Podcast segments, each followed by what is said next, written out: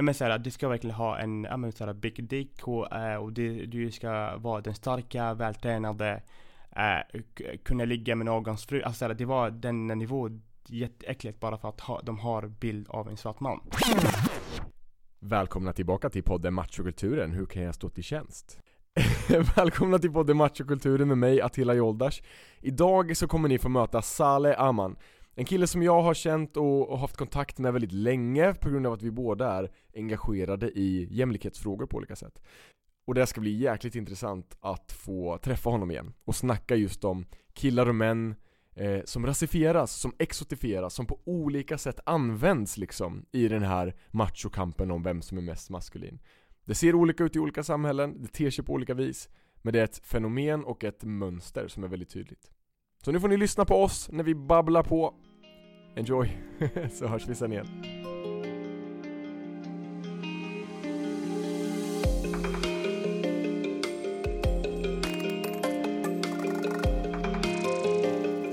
Snyggt, ska jag lägga den där. Yes, nu har jag en väldigt fin gäst här i poddstudion, Saleh Aman. Välkommen, hur mår du? Tack så mycket. Jag, jag mår helt okej. Eh, Helt okej. Ja, alltså sådär mår jag just nu. Just det, Eh, eh, ja, lite efter allt som händer just nu i hela världen. just det. Med tanke på att ja, men rasism och poliskår, våldet och så vidare. Det verkligen tog på mig ganska hårt nu under dessa två veckor. Så jag måste där. Hur mår du? Verkligen. Eh, vi sitter ju, nu när vi sitter och spelar in det här så är det verkligen mitt i liksom protesterna Ja. kring det Ja. som har, det, det senaste som rapporterades var just George Floyd, en Ja. svart man i USA som blev kvävd till döds av en polisman med flera Mm. poliser runt omkring som inte ingrep. Mm. Eh, det dokumenterades och spreds väldigt mycket i sociala medier och nu är det protester världen Mm. över. Mm. Eh, jag känner precis som du, eh, det är svårt att inte bli uppgiven när Mm. man hör om de här konstanta rapporterna, det är ingenting nytt liksom. Det är Ja. någonting som är, precis som du är inne på, ett strukturellt problem i samhället. Mm, mm, Eh, hur går dina tankar nu? Hur har du reagerat på allt det här? mm. Eh, alltså jag- jag verkligen såhär själv hemma. Eh, framför mobilen och dator och så vidare. Alltså jag var verkligen såhär, kände mig jätteensam. Eh, inte kunde agera som jag brukade göra i vanliga fall liksom. Vara ute bland folk som känner samma smärta och samma såhär, eh, att bittra och så vidare. Eh, så jag har verkligen agerat alltså, genom mig liksom. Eh, tog allt såhär eh, inne och agerade mot mig själv på något sätt. Eh, kunde inte såhär äta, gå upp ur sängen liksom. Eh, så det var, det var lite jobbigt. Eh, sen jag, jag har försökt göra mitt, alltså, göra mitt bästa liksom. Skrev lite inlägg, prata med folk liksom, dela, eh, ja, alltså allt där, det man gör genom mobilen. Så att, eh, och det, det känns helt okej att jag kan göra det istället. Eh, nu när vi lever under men, coronatider liksom. Eh, så ja, ja, lite sådär. Jag förstår, jag Ja. förstår. Ehm, jag tänker liksom, du har ju dels också Ja. gått in i den här diskussionen om, för det är många nu som reagerar på protesterna, Mm. eh, som under många år har gått under parollen Black Lives Matter. Ja. Eh, och det är flera liksom då, eh, och då kan man väl säga att det är många liksom, främst vita som reagerar på det. Mm, mm. Och som ska gå in med den här tanken om att säga, nej men all lives matter, varför Ja. pratar vi om Black Lives Matter? Mm, och mm, mm. eh, vill på något sätt skifta fokus till att alla kan drabbas på något sätt på lite samma premisser menar man då. ja. Hur tänker du när du hör sådana resonemang? Alltså, eh, vad jag vet i alla fall har ingen svart människa sagt att all lives inte matter. Det vi snackar om är att black lives matter. Alltså ingen har sagt att ditt liv inte är, inte betyder någonting liksom. Eh, och att någon så här ska säga till oss, ja ah, men black life eh, don't matter eller all lives matter liksom. I, mitt i sån här förtryck liksom, eh, är bara så här bullshit. Alltså, för ingen har sagt att ditt liv inte betyder någonting liksom. Men nu för tiden fokuserar vi på oss själva liksom. För det är vi som drabbas av rasism, det är vi som blir dödas, diskriminerande liksom, inte får jobb, alltså allt förtryck liksom är på oss. Och det, och det är det vi försöker verkligen såhär upplysa, att, ja men såhär, fokusera oss just nu liksom. Ditt liv betyder någonting, men just nu är inte ditt liv det viktiga, utan det är våra berättelser är det viktiga. Mm. Eh, så ja, alltså såhär, det jag mådde, alltså såhär, mest dåligt äh, över är verkligen folk som i min närhet och bara, ah, men det här är inte sant. Alltså det, det är matter liksom. Och bara försöka konstant så här förklara, berätta och så här känner mig så här, försvara oss liksom. Det är det, det jobbiga liksom. Eh, bara förstå oss, utan ja, hör bara. Säg ingenting. Det är bara det, det jag så här, känner nu. Mm. Eh, så det har, det har verkligen varit skitjobbigt. eh, att bara förklara hela tiden. Ja men vi, vi, ingen har sagt att ditt liv inte betyder någonting. Alltså vi kan inte komma vidare om du inte är med. Eh, och när du verkligen säger ja men All Lives Matter innebär att du bara förtryck, alltså så här, det är bara ett förtryck. Alltså du, du säger att ja men era liv betyder ingenting. Alltså vi vill leva som vi gör just nu. Vilket är inte bra för ja, men våran, alltså våran kropp eller vi som svarta liksom. Eh, så ja, det är mm, Mm. lite så liksom. Ja precis, det är Ja. ju liksom den här typen av skift, alltså så fokusskifte är ju Mm. ett, det som man brukar kalla för whataboutism liksom. Ja, ja. Det liknar ju verkligen det för att man så här, ja jag, ser att ni pratar om den här specifika frågan som drabbar en utsatt grupp, men vi då? Alltså så här, ständigt så här, ska skifta fokus. Mm. från det vi pratar om just nu, just i det här sammanhanget. Ja. Eh, och det är ju liksom, precis som du är inne på, precis som liksom är fastställt, det är inte jämförbart. Man Nej. kan inte jämföra det med den strukturella rasism Nej. som people of color drabba, drabbas av. Mm, mm. Eh, och och det, liksom, det finns ju flera studier, flera undersökningar, främst från USA då, som syftar till och visar att Mm. allt emellan då har man kommit fram till att det är två och en halv gånger vanligare till upp till fem gånger vanligare Ja. att en svart man, eh, Mm. ung som gammal, drabbas av den här typen av brutalitet av en Ja, polis jämfört med en vit man. Ja, ja. Eh, och då dödligt våld. Mm. Eh, det är en sån enorm tydlighet Mm. i att det inte är jämförbart. Nej. Så att det borde liksom inte kunna vara en diskussion på det sättet. Ja. Det hand, man måste titta närmare på det här problemet Ja. med andra perspektiv än sina privilegierade kanske. Ja men verkligen, verkligen. Eh, ja alltså främst det verkligen att folk inte ser så här, eller försöker jämföra förtrycket med något annat liksom. Mm. Eh, alltså i min omgivning var väldigt mycket så här, ja ah, men det här kommer från kriget och det är samma förtryck liksom. Jag bara, men nej, du har inte blivit strukturellt alltså förtryckt liksom. Eh, av ett system som konstant i generationer liksom förtrycker dig. Så du kan inte jämföra det här med det här. Alltså jag säger inte att ditt förtryck inte är hemskt, det är jättehemskt liksom. Men fortfarande, du kan inte så här, jämföra någonting med något annat liksom. Utan kan vi kämpa tillsammans nu? Kan vi verkligen så här, vara tillsammans typ? Uh, och det är det så här, känns det absolut jobbiga.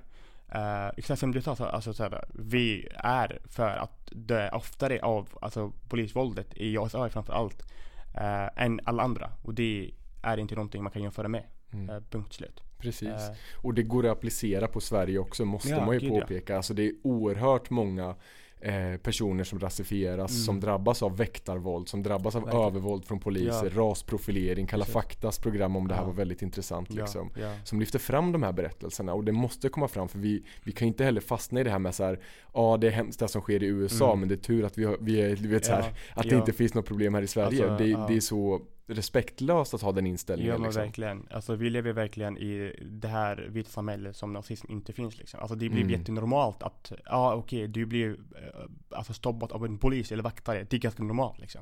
Ja men det är normalt ja. Men när det stoppar dig då är det normalt men inte när det stoppar mig konstant. Då är det inte normalt. Det är någonting i mig eller i dig liksom som gör att de stoppar mig. Alltså här. Eh, och jag, och också den här debatten att folk bara, ah, men det är inte jämförbart med USA och Sverige. Ja absolut, men det innebär inte att det inte finns förtryck här i Sverige också. Ja men såhär, Raseriepodden då, alltså tar upp verkligen en händelse varje vecka. Eh, alltså en av tusen liksom. Alltså, de verkligen så här, väljer en liksom, där, ja och det, och det, det säger jättemycket om systemet vi lever i. Det behöver inte vara någonting som jag ja, men, blir dödad av eller någonting så här, som, alltså fysiskt förtryck eller fysisk så här, våld. Eh, det räcker bara att jag inte får jobbet eller eh, blir bara så här, får blickar fo- alltså, utanför folket. Alltså, så här, det är bara, det är bara sådana små grejer som gör verkligen att vi känner oss obekväma eh, i det här samhället. Eh, så ja, det är inte jämförbart men det betyder absolut inte att det inte finns. Vad, vad skulle du liksom, med, med dina erfarenheter, du har också rasifierats som, Mm. som svart kille, svart man under hela ditt liv här i Mm. Sverige. Mm. Vad skulle du vilja ge för uppmaning till de som inte är under samma förtryck? Till vita människor Mm. i, i Sverige till exempel? Alltså först och främst hör och tro. Alltså så här, folk ljuger inte om de, när de säger verkligen att de blir stoppade eller när folk eh, ja, handlar och någon skriker en ordet öppet. Eh, det, det, det är någonting vi lever med konstant. Uh, bara tro på det. Alltså minska inte någons berättelse. Gör något aktivt. Dela, prata. uh, prata med din familj, alltså dina kompisar. Sprid ordet. Gör något aktivt liksom. Kan du engagera dig aktivt politiskt eller någonting, gör det. För det är vårt bästa. Vi behöver verkligen varandra hand, varandra ord liksom för att göra livet enklare för oss. Uh, och det, och det är det, alltså så här, jag förlorade några kompisar bara för att du sa emot. Ja men förlora dem, de, de, då är de inte riktiga kompisar. Exakt. Ja men alltså, ja, förtryck, alltså förtryck är förtryck liksom. Alltså du kan inte leva när någon förtrycker, alltså det, ja, det är, bara, det är bara konstigt liksom om du verkligen säger emot när du hör något rasistiskt eller alltså allt, ja. Uh, så ja, mitt tips är, säg emot. Hör, lyssna, berätta, alltså såhär, lär dig. Uh, ja, ja, säg emot, engagera dig i frågan. Grymt, grymt. Mm. Salle, min tanke var att jag skulle presentera dig i början av det här avsnittet. Men det är liksom, alltså det är ju väldigt, ja. eh, vad ska man säga, tunga tider. Ja, eh, och det är klart att det är svårt att inte gå rakt in i de frågorna som vi lever i just nu. Mm. Men jag vill bara säga, du är, så att jag får allting rätt här nu då. Du pluggar, Ja. Du studerar statsvetenskap, ja. du engagerar dig politiskt right. och du jobbar inom vården och hjälper coronapatienter mm. och du är en aktivist. Hur, hur har du tid med alla de här sakerna? Det är så grymt. Ja, alltså det är ju verkligen en del av mitt liv. Alltså engagemanget och verkligen så här, kämpa för någonting är någonting jag har verkligen i blodet. Alltså det har min mamma gjort, det har min pappa gjort liksom. Eh, tyvärr är verkligen något normalt. Alltså såhär, det, vi lever med det hela tiden och jag måste verkligen göra alltså, livet bättre för mina barn eller mina systers barn liksom. Alltså det, eh, ja, och allt annat är ju det viktiga i livet för att jag kan, ja, men, kunna överleva helt enkelt. eh, det funkar. Eh, det funkar inte, alltså det, jag har inte mycket tid att träffa vänner till exempel. Det är dåligt. Eh, men fortfarande, det jag, det jag gör är viktigt och jag är nöjd med det. Eh, så det, jag relaterar och jag tror mina vänner relaterar också. Ja, vi kan göra ja. en gemensam shoutout till alla våra vänner som vi Ja, tar. älskar er alla. Ja, exakt, vi älskar er, förlåt oss snälla. ja, eh, nej men det tar ju lätt mycket tid. Hur mm. gammal är du? Jag är 21. 21 år gammal.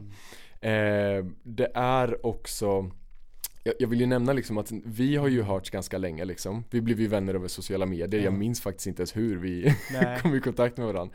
Men en av de sakerna som vi faktiskt har pratat om en del ja. har ju varit också, jag vet att ditt engagemang brinner här också, mm. kring maskulinitetsnormer. Ja, och precis som den här podden mm. syftar till att fokusera på machokulturen mm. så vet jag att du liksom jag också har vuxit upp i en påtaglig mm, machokultur. Mm, mm. Eh, och det som förenar oss på, i viss bemärkelse är ju också att vi har fått tagit del av liksom vad ska man säga, svenskhetsnormen och vithetsnorm mm. kring just maskulinitet mm, också. Mm, mm, eh, och jag tänker att vi ska gå in på det lite mer. Mm. Eh, men jag vill att du, om du vill börja med att berätta liksom hur, hur har din uppväxt sett ut mm. fram tills nu med kopplingen till machokulturen? Hur har du påverkats och märkt av den?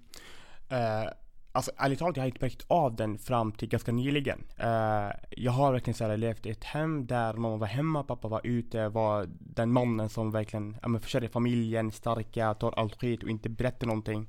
Och när jag väl är ute med pappa då öppnar han upp sig. Alltså så här, det blir bara, ja men det här, jag är trött idag på grund av det här och det här. Alltså så här, det är inte någonting jag kände, jag kände så här, då liksom, utan det är någonting som kom efter. Då satt jag bara, men varför berättar han inte detta till mina syskon? Alltså så här, Eh, så mitt liv har varit, ja, eh, väldigt mycket mancentrerat på något sätt. Alltså familjen först och du ska ta hand om den.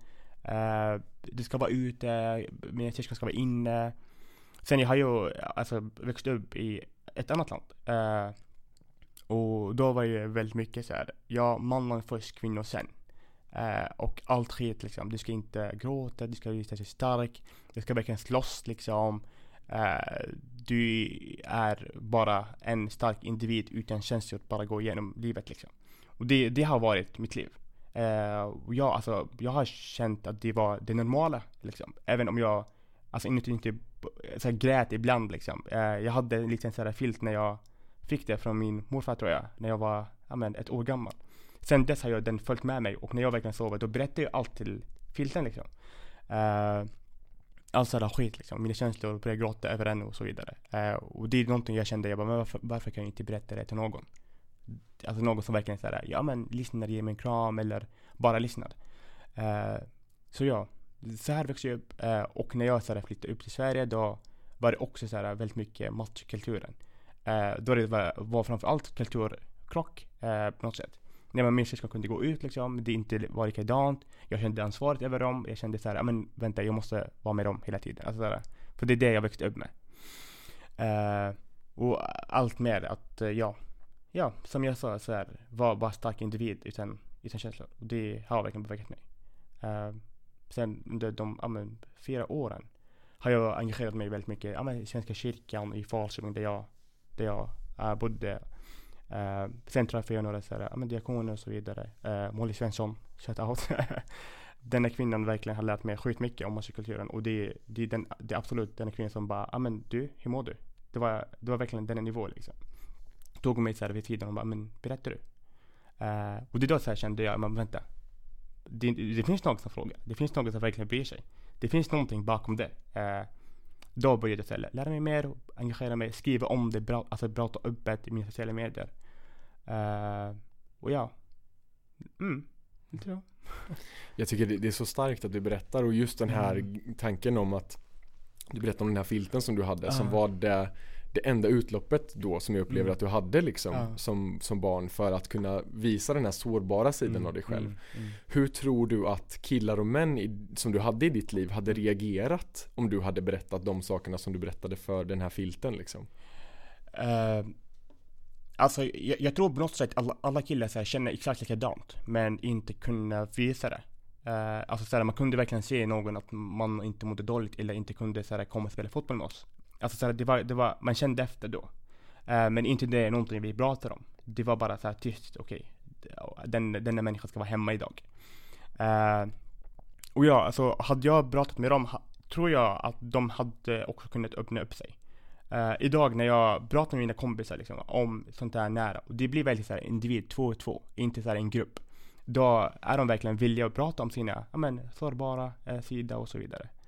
Uh, så jag tror att de kunde också så här, öppna upp sig på något sätt. Uh, trots att vi lever i sån här norm, men fortfarande tror jag att de kunde ja, men, ja, öppna upp sig, prata om det. det tror jag. Just. Mm. Um jag har ju väldigt liknande erfarenheter som du har. Mm. Jag vågade inte heller öppna mig för någon mm. förrän jag lärde känna mina tjejkompisar sen mm. senare liksom mot slutet av högstadiet, början av gymnasiet. Mm, mm. Eh, och det blev lite min, liksom vad ska man säga, de, de var mina till en början ofrivilliga psykologer. Ja. Alltså det här klassiska ja, dilemmat precis, liksom med precis. att män känner att de inte kan öppna sig mm. för, för sina killkompisar. Och det var verkligen så för mig också. Mm. Eh, det var ju sånt saker som jag reflekterade på egen hand precis som du gjorde. Liksom mm. lite mer i skymundan där ingen kunde döma mig liksom för de här sårbara sidorna. Mm, mm. Eh, det som också blev påtagligt för mig var ju att jag drabbades av liksom samma typer av fördomar och rasistiska tankar som är djupt etablerade i liksom det svenska samhället likväl många andra samhällen mm, mm. Eh, när jag växte upp att jag ändå separerades från de andra killarna ja. med en annan måttstock liksom. Mm. Eh, var det någonting som du märkte av också liksom? Ja gud ja. Ja men alltså absolut. Uh, under gymnasiet framförallt, jag var verkligen, eller så jag kände i alla fall att jag var utanför killarna. Uh, för det var väldigt mycket så här, jag borde engagera mig, jag borde skriva öppet, jag pratade om det. Uh, inte ändra stil liksom, utan bara vara Ja, jag bara okej, okay, du mår dåligt, jag vet det. Bara, bara det liksom. Och det gjorde att jag blev verkligen så här, ja men utanför på något sätt. Uh, tjejkompisar blev ännu mera så här, kunde prata om det öppet på något sätt. Uh, och det är någonting som jag kände verkligen att killar inte vågar prata om det. När de inte vågar då, ja, men så här, tar de bort det eller så här, visa, alltså visa ut det på något sätt. Uh, bara för att de uh, inte vågar liksom. Uh, vad jag tror i alla fall. så det är någonting jag kände verkligen. Uh, det, var, det var inte lätt att prata om det öppet. Uh, och det tog verkligen tid för mig att våga kunna prata om det öppet liksom. Uh, och det, ja, jag, jag kände efter det. Uh, framförallt under gymnasietider där man killen ska vara som absolut starkaste på något sätt. Uh, försöka haffa tjejer och så vidare och inte kunna visa det. Det, ja, det har varit obeverkat. Mm. Mm.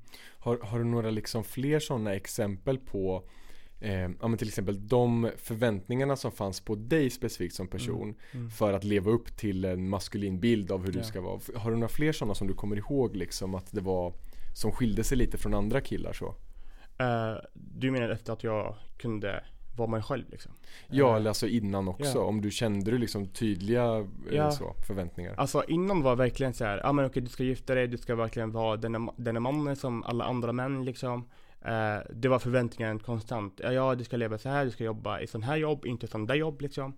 Eh, du ska, alltså det var förväntningen hela tiden. Eh, att du, ja, att du ska verkligen vara stark, du ska vara man, du ska vara, ha en fin kropp och bla bla bla bla, och allt det där.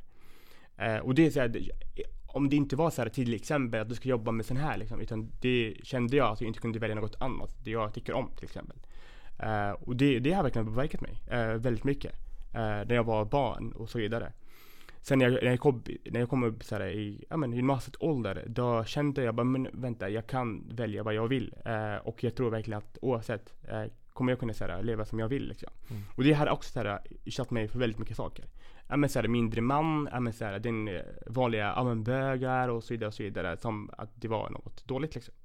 Eh, ja, alltså sådana grejer som jag inte kunde eh, eller som jag blev bara utsatt för, för att jag var där jag ville vara.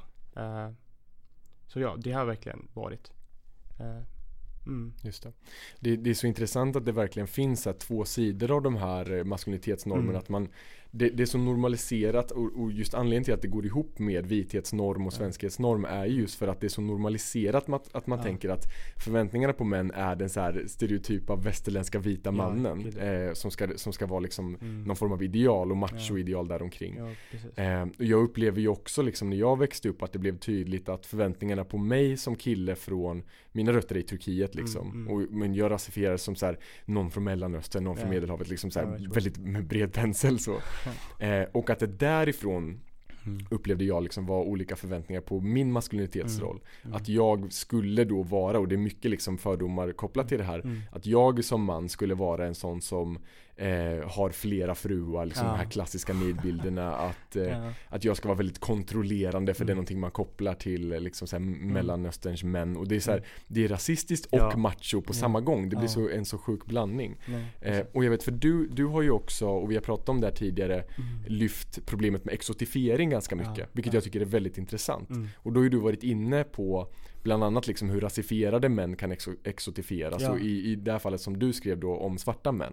Vill du berätta någonting om det? Liksom, hur det också kan skilja sig från då vita män så? Ja, alltså plus att vi lever under machokulturen, då lever vi också under sådär strukturellt rasism på något sätt. Alltså förväntningar på oss är Alltså något mer än vad jag upplever i alla fall vita män äh, får till sig.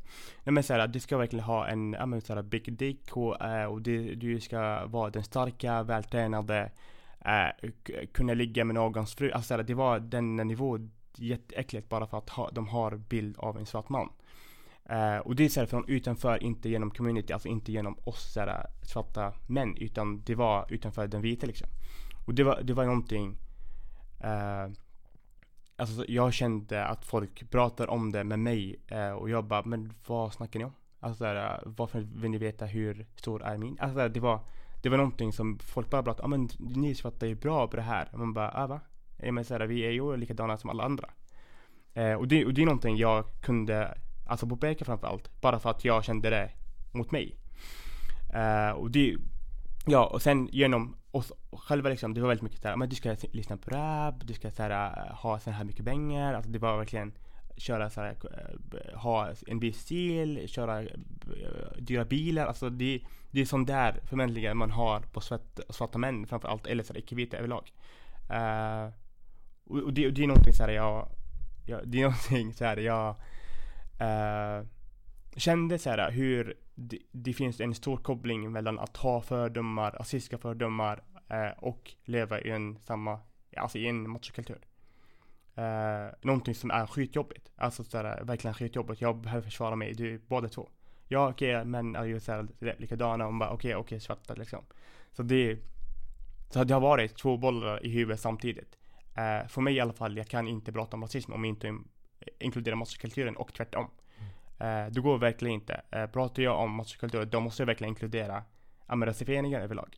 Uh, och hur vi upplever machokulturen. Uh, likadant, ja, men finns jättemycket förväntningar på oss liksom ännu mer än vad det är för en väst Eh, heterosexuell vit man liksom. Eh, så. Just det. Mm. Och, jag, alltså, och bara för att förklara, exotifiering handlar ju också om att användas som en form av Ja. ursäkt. Det är så här, som en mikroaggression som det också brukar kallas. Att man säger, men vad då? jag snackar om någonting Ja, positivt. ja, vad då? Att så här, svarta män ska vara så här och så här. Det är ju någonting positivt menar Ja, jag. ja, ja, och då menar man på att det inte är något problem. För att det skulle vara så här, det låter som att det har en positiv klang. Ehm, när det egentligen den- handlar om en rasistisk nidbild eller så det här, är det. för, alltså, det, det är den klassiska liksom. Alltså, Mm. ja vi ska ha en vit man bland eh, fyra män i en reklam liksom. Mm. Ja men varför ska ni ha det? Eh, varför ska ni ha en viss typ av män liksom? Eh, det är ju någonting sådär, men det är väldigt positivt. Vi lyfter ju upp er liksom. Man Mm. bara nej, det gör ni inte. Ni verkligen ger en annan bild av oss själva liksom. Eh, och det är någonting sådär, man bara mm, mm, just det. Det är, ja, positivt. Applåder. Alltså ja, det är bra liksom. Vilket det inte är alls. Det är förtryck. Eh, verkligen förtryck. Verkligen alltså. Och det är liksom den andra sidan av det här som blir då så här, om, om man ser exotifiering som så här det ursäktande som att man ser det som någonting positivt Mm. så används det ju också, det är ett dubbeleggat svärd liksom. Ja, ja. Det används ju också för att, upplevde jag i alla fall under min uppväxt att eh, ja men så här, ja vi kan väl prata om eh, machokultur men då måste vi börja med de där invandrarna för Ja. de har värst machokultur. Eller de, det- de männen i det där landet är de som är absolut värst. Och återigen, det här whataboutism, man skiftar fokus Mm. till en annan grupp för att det är mycket lättare då liksom. Mm. Det är mycket lättare att skita i sitt eget ansvar Ja. eh, och i sin egen grupp liksom hur man spelar in i det hela. Jag upplevde ju verkligen det här liksom när jag försökte ta tag i de här frågorna tidigt. Mm. Eh, jag började prata om machokultur eh, och de här normerna som är rotade i alla samhällen. Ja. Liksom grunden ser väldigt lik ut Ja, över hela världen när, Verkligen. ser, man, när man ser sig de här förväntningarna på män som Mm, starka försörjande individer, Mm. eh, gråter inte, tar ansvar, tar för sig. Liksom. Alla de här klassiska mansnormerna Ja. finns ju överallt. Mm, Sen kan mm. det såklart te sig olika. Eh, och där kan det liksom vara sociala skillnader, det kan Mm. vara kulturellt liksom.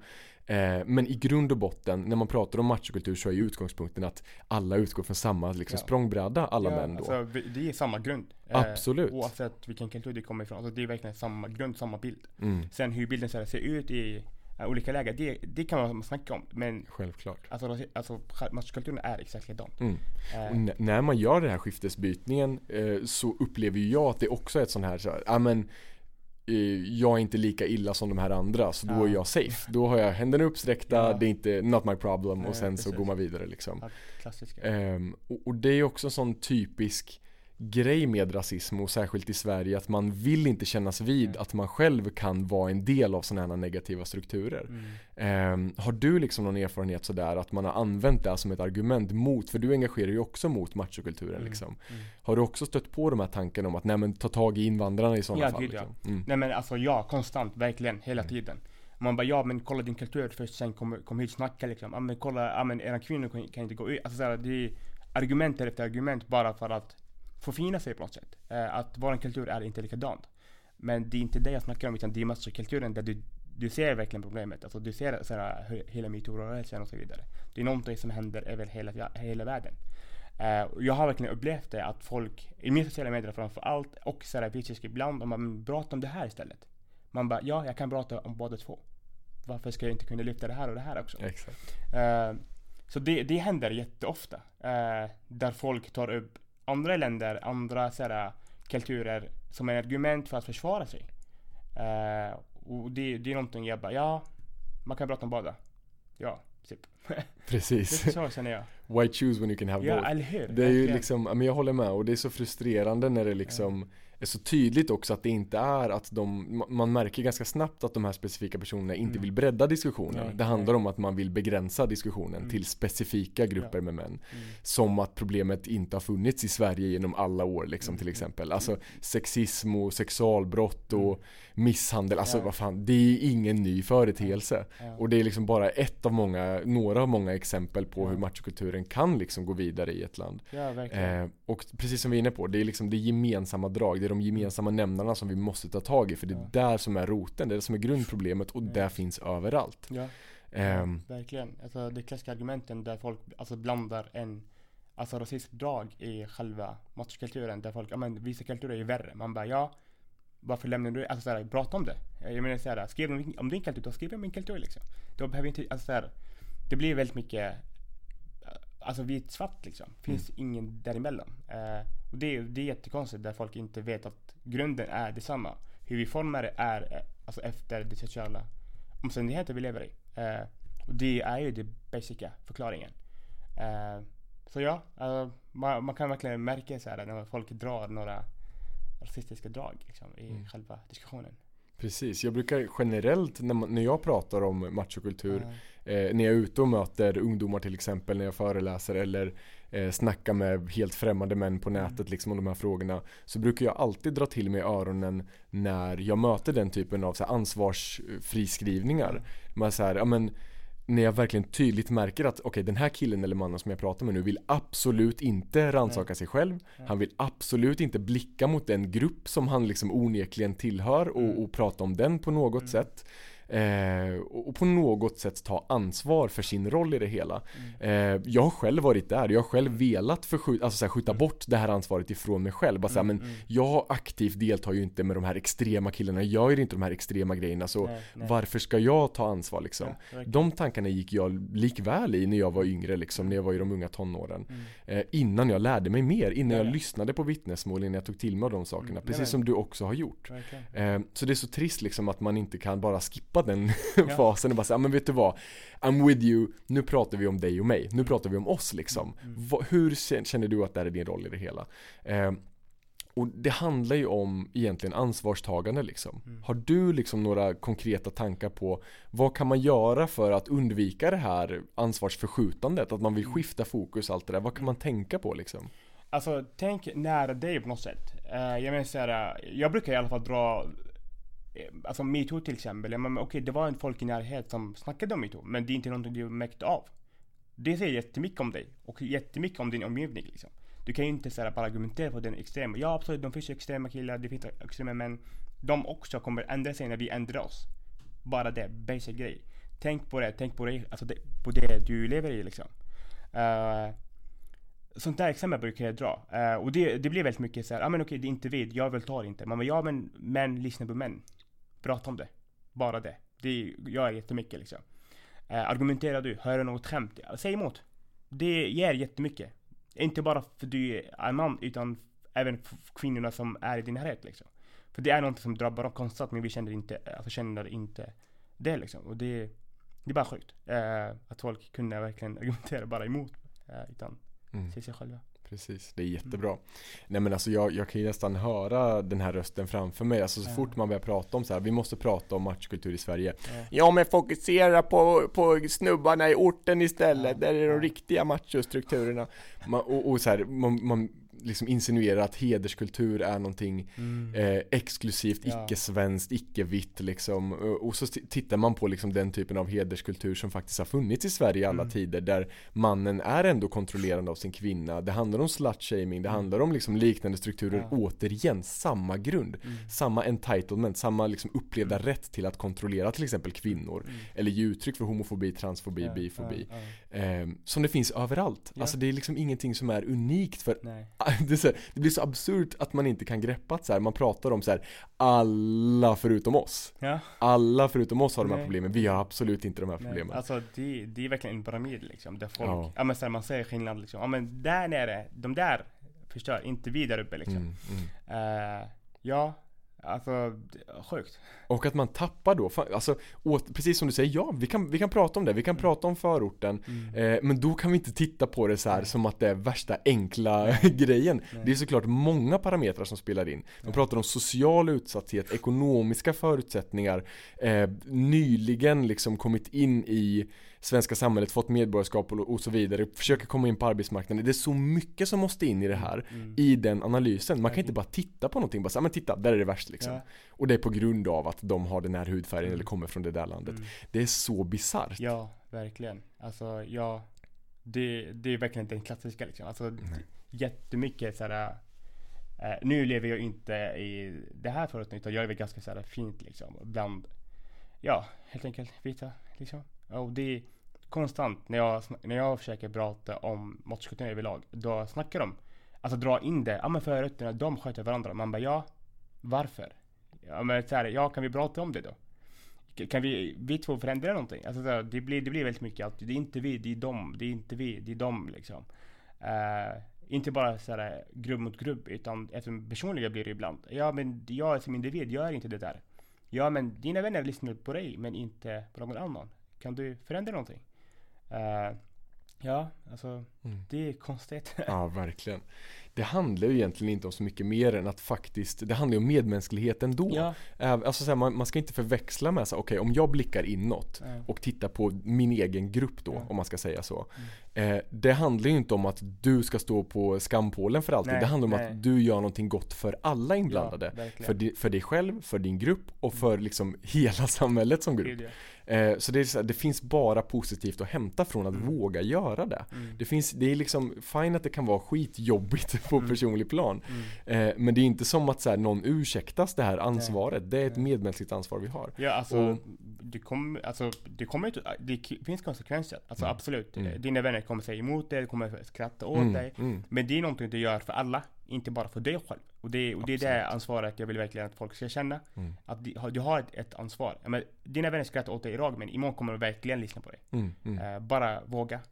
Just det. Uh, det är så viktigt att få med, tänker jag också, just det här perspektivet med, precis som man pratar om att, eh, ja men till exempel eh, sexism och homofobi mm. hänger ihop på olika sätt. För det är samma typer av strukturer som binder samman dem. Mm. Precis på samma sätt som rasism hör in i bilden. Mm. Och, och, när liksom jag pratar om machokultur så är jag väldigt, väldigt tydlig med min åsikt och min utgångspunkt är att män har ett större ansvar att jobba mot machokultur, mm. mot våld, mot sexism, mm. eh, likväl mot rasism och homofobi. Yeah, yeah. Eh, och skriver också såklart in, man måste liksom kombinera de här rörelserna, ha ett intersektionellt perspektiv att mm. vita personer till exempel har ett mycket större ansvar att jobba mot rasism. Liksom. Mm. Mm. För att det är, om man ska se på det strukturella planet då, så handlar det ju om att den vita gruppen i vårt samhälle är de som åtnjuter privilegier. Mm. Det är de som är på toppen av den här hierarkin om man ska snacka om rasism som liksom eh, ur, ett, ur, en analys. Yeah. Eh, och där också har ett större ansvar, precis som män generellt har det här privilegiet. Ja, men liksom, högst upp. Ja, men absolut, eh, Och vi måste kombinera de två sakerna. Ja. Nej men exakt som jag sa, alltså, så finns det en pyramid där folk kan alltså, kategorisera verkligen i olika nivåer. Uh, när vi snackar om rasism, då är det verkligen, vi kämpar absolut, men ni måste verkligen vara med oss för att förändra någonting. Och det är samma sak där. Alltså vi män ligger ganska högre och vi kommer ändra oss. Äh, när vi ändrar oss, då kommer hela samhället ändra oss. Alltså såhär, det börjar verkligen med dig. Eh, på det sättet kan vi verkligen såhär, försöka göra något bättre. Eh, och, och, det, och det är den tanken folk inte fattar på något sätt, eller försöker verkligen argumentera bara emot för att försköta sig. Jag menar såhär, ja, jag lever mitt liv, det, jag är nöjd med det. Ja, ditt liv kan verkligen göra, ja men så här, gör någonting som gör annars liv bättre. Uh, så det, det, det är framförallt det jag försöker upplysa i mina sociala medier är, ja men okej det börjar med oss, börja med det. Mm. Typ. Mm. Uh. Jättebra. Gud, det är så fint att snacka med dig om de här sakerna. Jag blir helt fired up med, med de här ämnena. Mm. Um, Saleh, för de som lyssnar nu, mm. eh, som kanske också har erfarenheter av att rasifieras i Sverige till mm. exempel då, som kille eller man. Mm. Eh, har du några tips till, eh, till dem som mm. lyssnar? Mm. Eh, hur, hur ska man liksom förhålla sig till de här sakerna? Eh, om man känner att maskulinitetsnormer, de här klassiska machoidealen mm. är annorlunda för den personen, för mig liksom, som rasifieras. Vad kan man tänka liksom? Först och främst, du är inte ensam. Alltså det är verkligen jättemånga som känner exakt likadant. Alltså, våga först och främst, alltså prata med dina vänner. Eh, bjud in dem till en killmiddag och ha diskussioner eh, om hur du är, alltså hur, hur upplever du machokulturen som en, ja men såhär icke-vit person.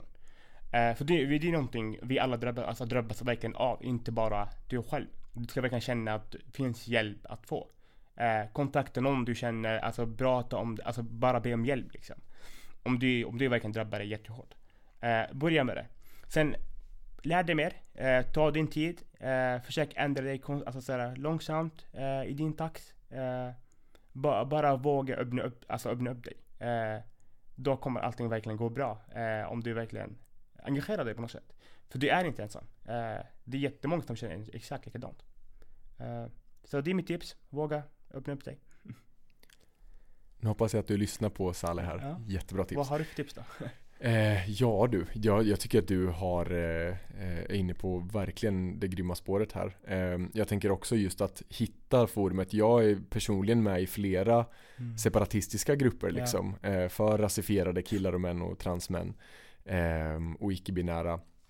Eh, där det blir en form av safe space att prata om de här sakerna. Mm. Att prata om de här olika måttstockarna i maskuliniteten. Att det också där finns hierarkier sett till ja vithetsnorm som vi har nämnt liksom till mm, exempel mm. och den typen av frågor. Mm. Eh, att hitta det forumet och känna dig trygg i att prata mm. med andra rasifierade män mm, eh, och, och, inte liksom känna att det är något konstigt att vilja göra det ens liksom ja, så. Eh, men sen också det finns enormt många samtalsgrupper som man kan joina via typ mm. organisationen män, man kan höra av sig anonymt i, i chattar, typ killsnack och, och liknande, killfrågor heter det. Ja. Ehm, där man också kan lyfta den här typen av tankar. Okej, okay, var, varför eh, passar jag ändå inte in i samma matchkultur som de andra killarna kanske, kanske som är mm. eh, med annan bakgrund i skolan till mm. exempel. Mm. Eh, och hitta de här olika forumen för att lyfta de här tankarna. Mm. Ehm, och jag tänker också så här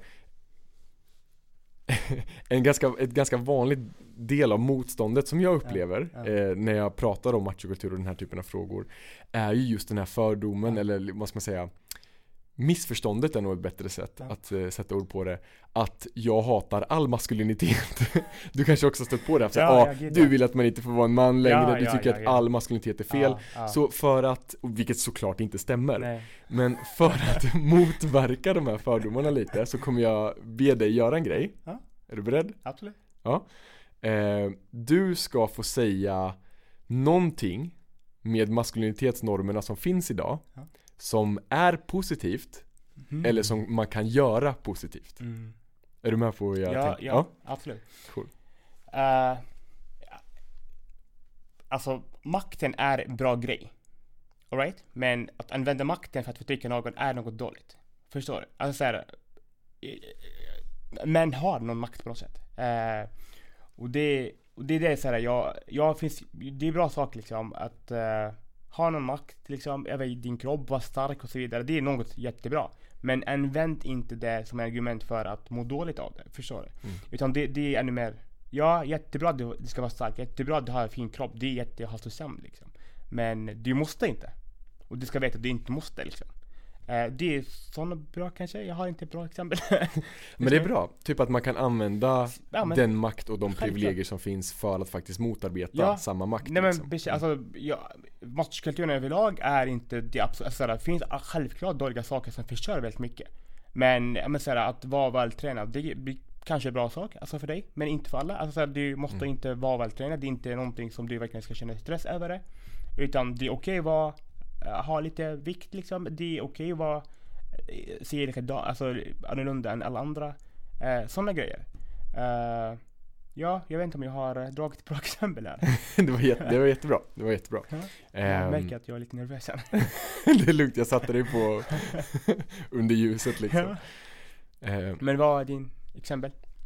Ja gud, alltså jag, jag, har ändå flera. Och det är det ja. som känns så trist att det blir missförstått Att ja. man tror så att det bara är piss liksom. Alla Nej. män är fel och det är något ja. genetiskt eh, som aldrig går att fixa med män jag, jag, Verkligen. Men det är så vanligt att man stöter på det motargumentet. Och jag känner att det blir lite fultolkat när, mm. när man drar det till en sån spets liksom. För jag tror att det finns enormt mycket positiv kraft man kan hämta från Alltså mer traditionella maskulinitetsnormer. Men det handlar ju om vad man gör med dem. Till exempel verkligen. som du ändå varit inne på lite nu som självsäkerhet som mm. är väldigt väldigt tätt kopplat till ja. eh, mansnormen eller mansrollen. Eh, den kan gå överstyr. Man kan få en övertro på sig själv, man kan inbilla sig eh, att man har rätt till andras kroppar, andras saker, mm. Eh, rätt till makt, rätt till, men så massa saker på grund av den här ideal, så här, vad ska man säga, initiala idén om att så här, men, mm. eh, du som kille ska bli självsäker. Det är ett mm. bra mål. Som man ska du vara väldigt självsäker. Ja, men använd den självsäkerheten till att till exempel samla mod till att säga ifrån mot ja, skeva ja. strukturer. Använd mm. självsäkerheten till att jobba på dig själv. Mm. Eh, att på riktigt liksom, inte mm. bara någon form av ytlig självsäkerhet. Nej, nej, eh, utan använda det för att bygga upp din självkänsla, din trygghet kring att faktiskt ta ställning kring dina värderingar. Mm. Som borde vara mycket viktigare än att känna att du lever upp till en mansroll till exempel. Det borde vara väldigt sekundärt egentligen. Ja men verkligen. Alltså, vi snackar inte att ta bort hela manskulturen utan göra det finare, bättre och verkligen Alltså finare för alla liksom. Uh, det, det är någonting vi snackar om. Alltså, så här, när jag snackar om manskultur innebär inte att jag hatar alla män. Alltså jag hatar inte allt norm som finns. Utan det finns bra saker. Vi kan göra dem bättre, varför inte? Mm. Eh, så här basic liksom. Mm. Jag, Eh, jag tycker du säger det väldigt bra. Mm. Det finns saker som vi kan göra så mycket bättre. Ja, och det är det är det. där jag tycker att vi ska fokusera på. Mm. Vi kan välja de delarna som Ja. finns i machokultur som begrepp brukar ju syfta till just att prata om de negativa Ja, delarna. Precis. Men mansrollen brett, alltså alla mansnormer som finns. Mm. Hämta det som är positivt och gör det ännu bättre. Mm. Och sen så kan vi avfärda de grejerna som är negativt. Och det är återigen, det är inte åsiktsfrågor, det finns så mycket forskning kring Mm. som, Mm. som kopplar vissa maskulinitetsnormer som närhet till våld, eh, sexism och homofobi till destruktiva beteenden. Mm. Mot oss själva och mot andra Ja, liksom. ja, lite. Det måste vi få bort. Men Mm. det positiva kan vi förvalta liksom. Ja. Och göra någonting ännu bättre och sundare av så. Ja, verkligen. Klokt sagt. Det har varit så nice att ha dig här, Saleh. Jag är jätteglad för att du engagerar dig i de här frågorna som du gör. Jag Mm. tror på dig och jag backar dig. Mm. Är det någonting som du vill tillägga i, men jag tänker med det vi har snackat om idag Ja. liksom? Det är samma verkligen. Jag älskar dig också. Jag, jag Tack, verkligen- jag älskar dig med Saleh.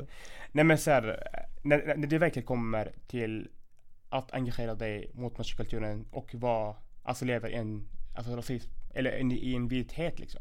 Det är någonting man kan, alltså väljer att engagera sig i någonting och inte se andra. Uh, jag försöker inte så här, jämföra någonting med något annat utan det är någonting som verkligen hör ihop. Uh, jag, min engagemang är, eller var framför allt och är fortfarande mot män som ser ut som mig. Uh, att jag, vi lever under jättemycket skit men fortfarande vi lever i någonting som skadar oss själva. Alltså såhär oavsett hur du känner, oavsett hur du vill verkligen, alltså det är inte bara du. Det är, det jag vill verkligen alltså upplysa och verkligen du ska höra det. Att det finns jättemånga, alltså det finns jättemycket män som ser exakt likadant som du, som går exakt ja, men genom skit som du gör just nu och vill hjälpa till. Och det är någonting jag vill verkligen att du ska höra. Eh, be om hjälp, prata med dina kompisar, eh, var du själv eh, och det är okej. Mm. Jag vill inte säga någonting efter det här för det är ett så fantastiskt avslut. Tack så jättemycket Saleh för att du är här. Nej, tack, Eh, och tack för att du har pratat om det här. tack så mycket. Tack Vi, för att vi du... ses mer på barrikaderna. Ja, absolut, absolut. Tack så mycket. Tack. Och det var det. Snack med Saleh Aman. Så himla spännande, så himla grymt. Det är fint att veta att unga killar är så pass engagerade som Saleh också. Vi, vill, vi vill att det ska bli fler, helt enkelt.